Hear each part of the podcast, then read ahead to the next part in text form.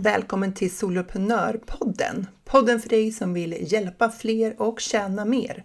Jag heter Jill Nyqvist och det är dags att skapa stordåd.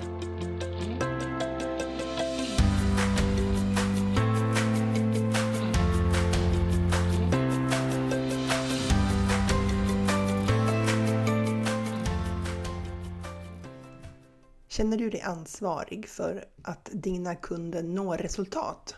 Kanske tänker du så mycket på det att det liksom nästan hindrar dig när du ska skapa tjänster eller sälja dina erbjudanden.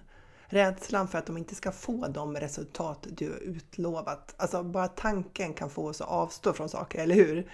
Eller få oss att kanske uttrycka oss galet, försiktigt, livrädda för att lova mer än vad vi kan hålla. Du driver ju företag för att du har en passion för att hjälpa människor på något sätt.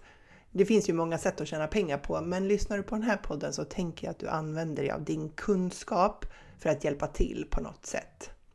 Så är det inte bra då att vi känner oss ansvariga för kundernas resultat? Jo, absolut, om vi gör det i rätt utsträckning och på rätt sätt. jag tänkte att vi kunde prata lite om det idag. Förra veckan blev en intensiv vecka. Eh, eh nu när jag säger det högt så kände jag att jag kan ha sagt något liknande förut. Ehm, det är ju tur att jag har så roliga uppdrag och fantastiska kunder så att även när det blir lite körigt så är det värt det. Så veckan som gått har jag lanserat The Brand Book. Det startar ju nu eh, idag, måndag, och vi är ju supertaggade. Sen har jag gjort lite framtidsplaner med Funka med ADHD. Eh, satt upp eh, en första version av en Newsendler webb för en av mina nyare kunder som har en fantastisk affärsidé. Sen har jag haft medlemsträff i Soloprenörerna där de pratar om sina företag i mindre grupper mycket uppskattas. Himlans vilken fart det kan bli efter de där träffarna. Man kommer liksom loss genom att prata med andra. Jag har coachat en av mina fina medlemmar i Soloprenörerna. Jag älskar ju att få på, liksom, gå på djupet med, med dem. Sen har jag hållit på med fortsatt affärsutveckling, digital affärsutveckling för en av mina större kunder som verkligen har stordåd på gång. Sen har jag planerat för en filminspelning med UR nästa vecka. Det känns lite jobbigt, så jag jag säger inget mer om den just nu. Haft copymöte med en kund för att, som liksom vill utveckla sin digitala närvaro.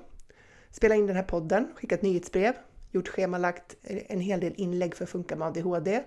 Det var ju så spännande. Alltså, man får ju älska återbruk.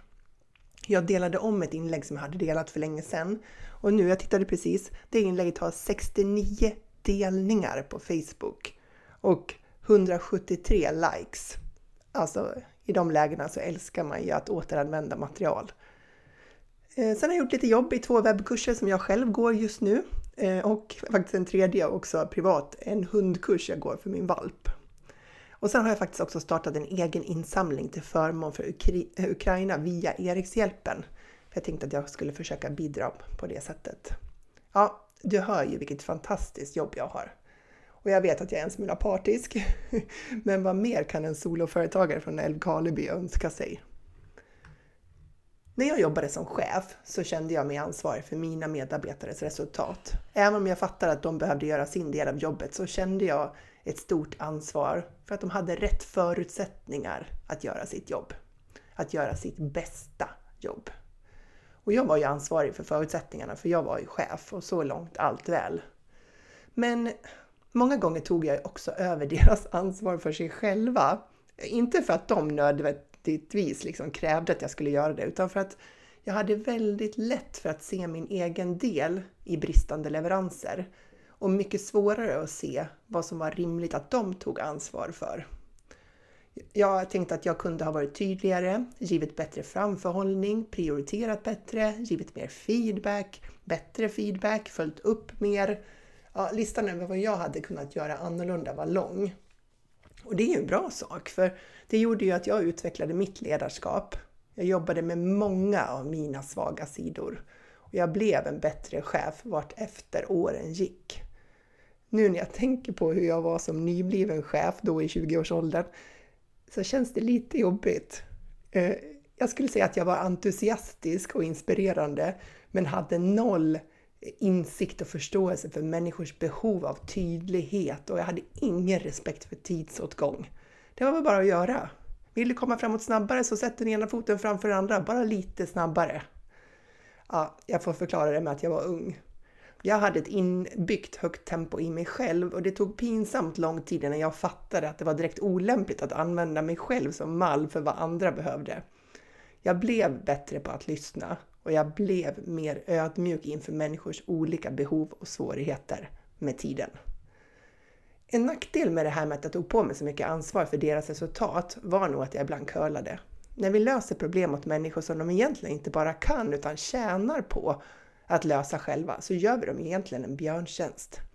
Oavsett om det handlar om saker de kan ta reda på själva, som är fakta eller uppgifter, eller relationer som behöver ja, men som de behöver bygga upp själva, konflikter de behöver ansvara för på egen hand.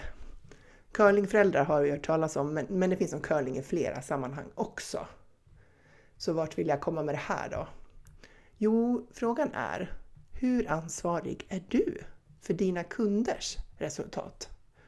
För visst är det lätt att tänka att om kunden inte uppnår det hen vill så beror det på vår dåliga leverans. Oavsett om det är medlemstjänst, eller en webbkurs, eller coachning eller vad det nu än är. Är jag en hälsocoach och mina kunder inte blir, alltså om min kund inte blir mer hälsosam, vad gör jag för fel? Är jag en företagscoach och min kund inte får fler kunder eller tjänar mer pengar, vad gör jag för fel? Är jag en livscoach eh, om min kund inte får ett bättre liv, blir lyckligare eller mår bättre, vad gör jag för fel? Och precis som för mig och ledarskapet så tjänar vi ju på att titta inåt. Titta på oss själva, vår leverans, vår produkt eller tjänst. För självklart är ingen av oss, alltså är ingen av oss som har perfekta tjänster. I alla fall inte i alla dimensioner eller alla aspekter av tjänsten. Det finns ju alltid brister eller områden som skulle tjäna på att utvecklas. Men frågan är om det är på marginalen som det gör skillnad för kunden, att vi trimmar på det där som inte riktigt är hundra, Frågan är om det är avgörande för att kunden ska få resultat. För att om det inte är avgörande eller direkt påverkande utan snarare ett finlir så kanske det inte behöver prioriteras.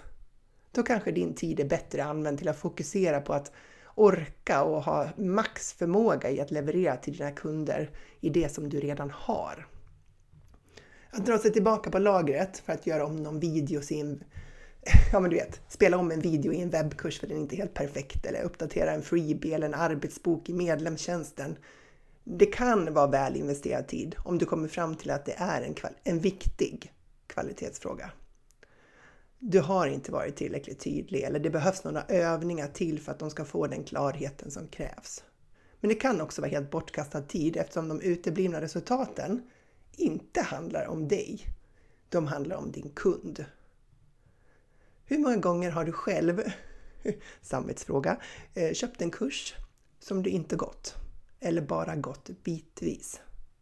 Eller du kanske gick kursen som i att du tittade på allt material, men du gjorde få eller inga övningar alls. Hur många böcker har du i hyllan som du inte har läst? Eller bara läst ett par kapitel? Hur många övningar eller uppdrag har du fått av en coach och sen inte gjort riktigt så i alla fall? Eller bara delvis för att du tänkte att du skulle göra det senare? Har du kontaktat författaren till en självhjälpsbok och klagat på att du eh, inte köpt, alltså att du har köpt boken men faktiskt inte fått något resultat? Du mår inte alls bättre, är inte effektivare eller mer produktiv. Eller dina relationer har inte förbättrats, eller vad nu löftet var i boken. Eller har du klagat på en onlinekurs du köpte för att den faktiskt inte gav dig tusen nya prenumeranter på din e-postlista eller tio nya kunder. Så även om du inte har fått de här utlovade resultaten så har du kanske inte klagat. Varför inte? Jo, kanske för att du inser att du inte har gjort jobbet själv.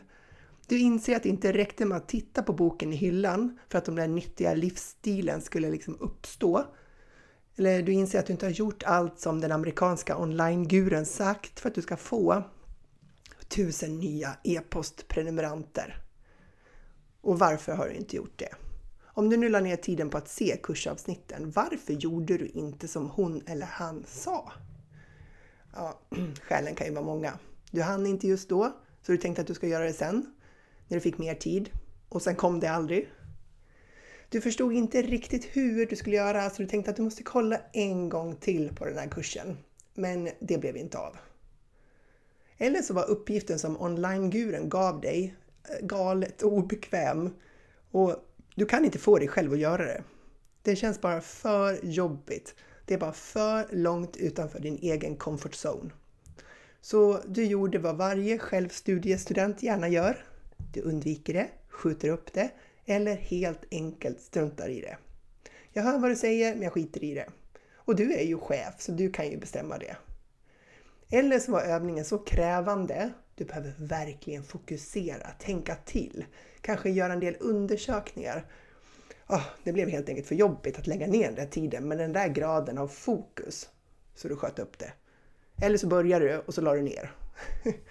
kanske betalar du dyra kurser, eller dyra pengar för den där kursen, för att sen tycka att du ändå kan det där bättre själv.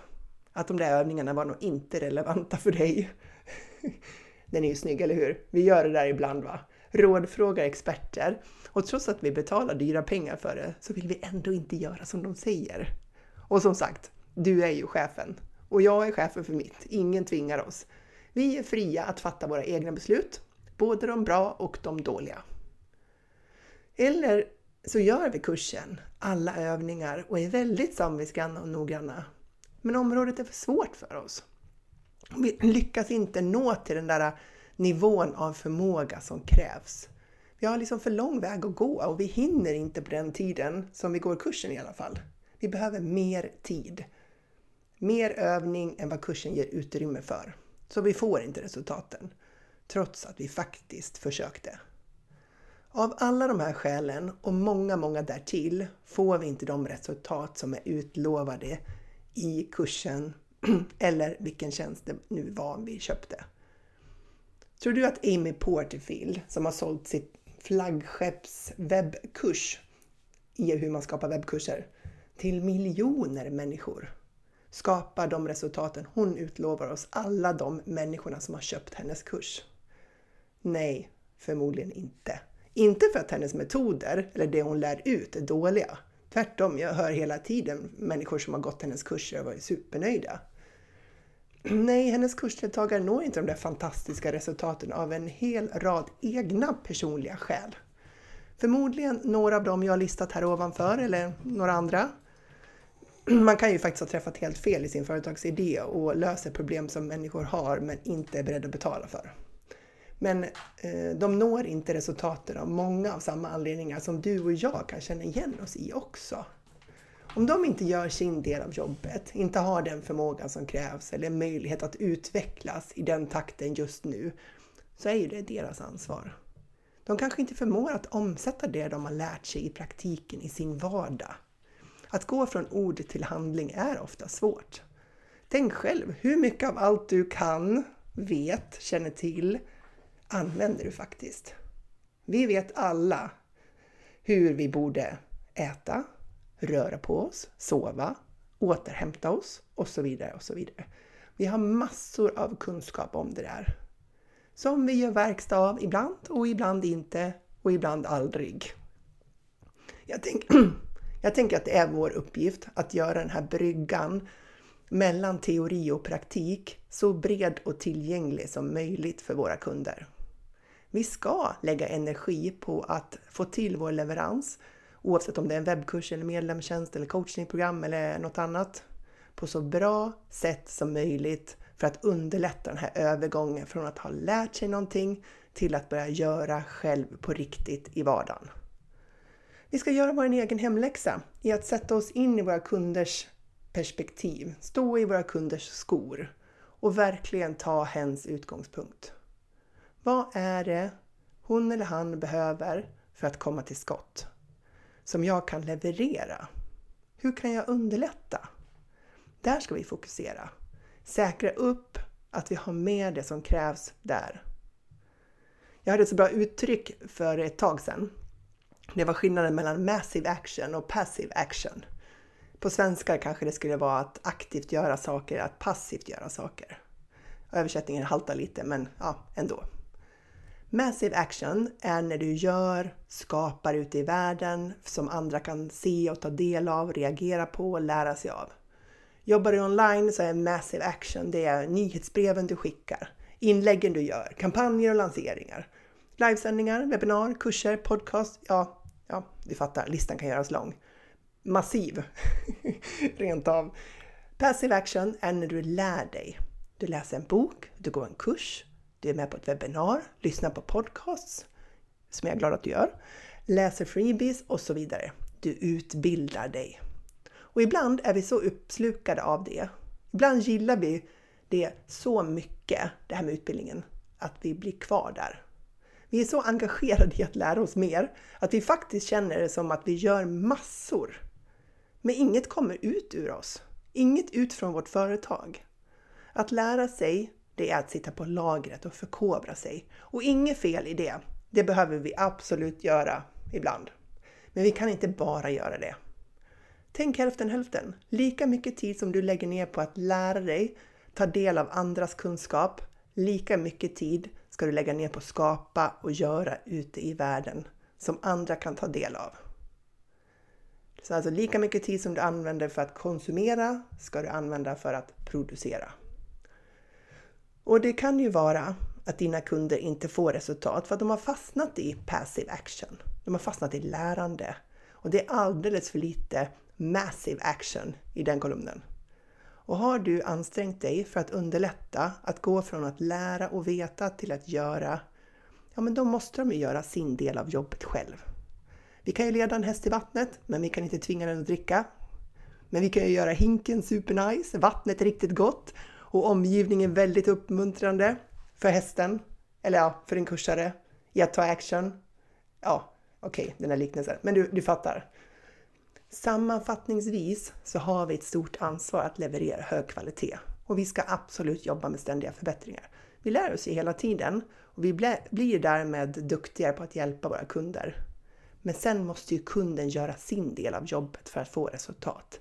Och det ligger på hennes eller honoms ansvar.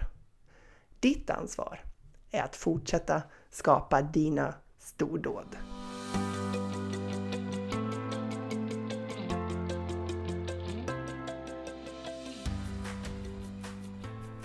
Stort, stort tack för att du lyssnar på Soloprenörpodden. Jag är så glad att ha dig här. Om du vill hjälpa mig att sprida podden till fler taggade soloföretagare så får du gärna lägga upp en eh, bild på avsnittet i din story på Instagram och tagga solopreneur.nu så ser jag att just du har lyssnat.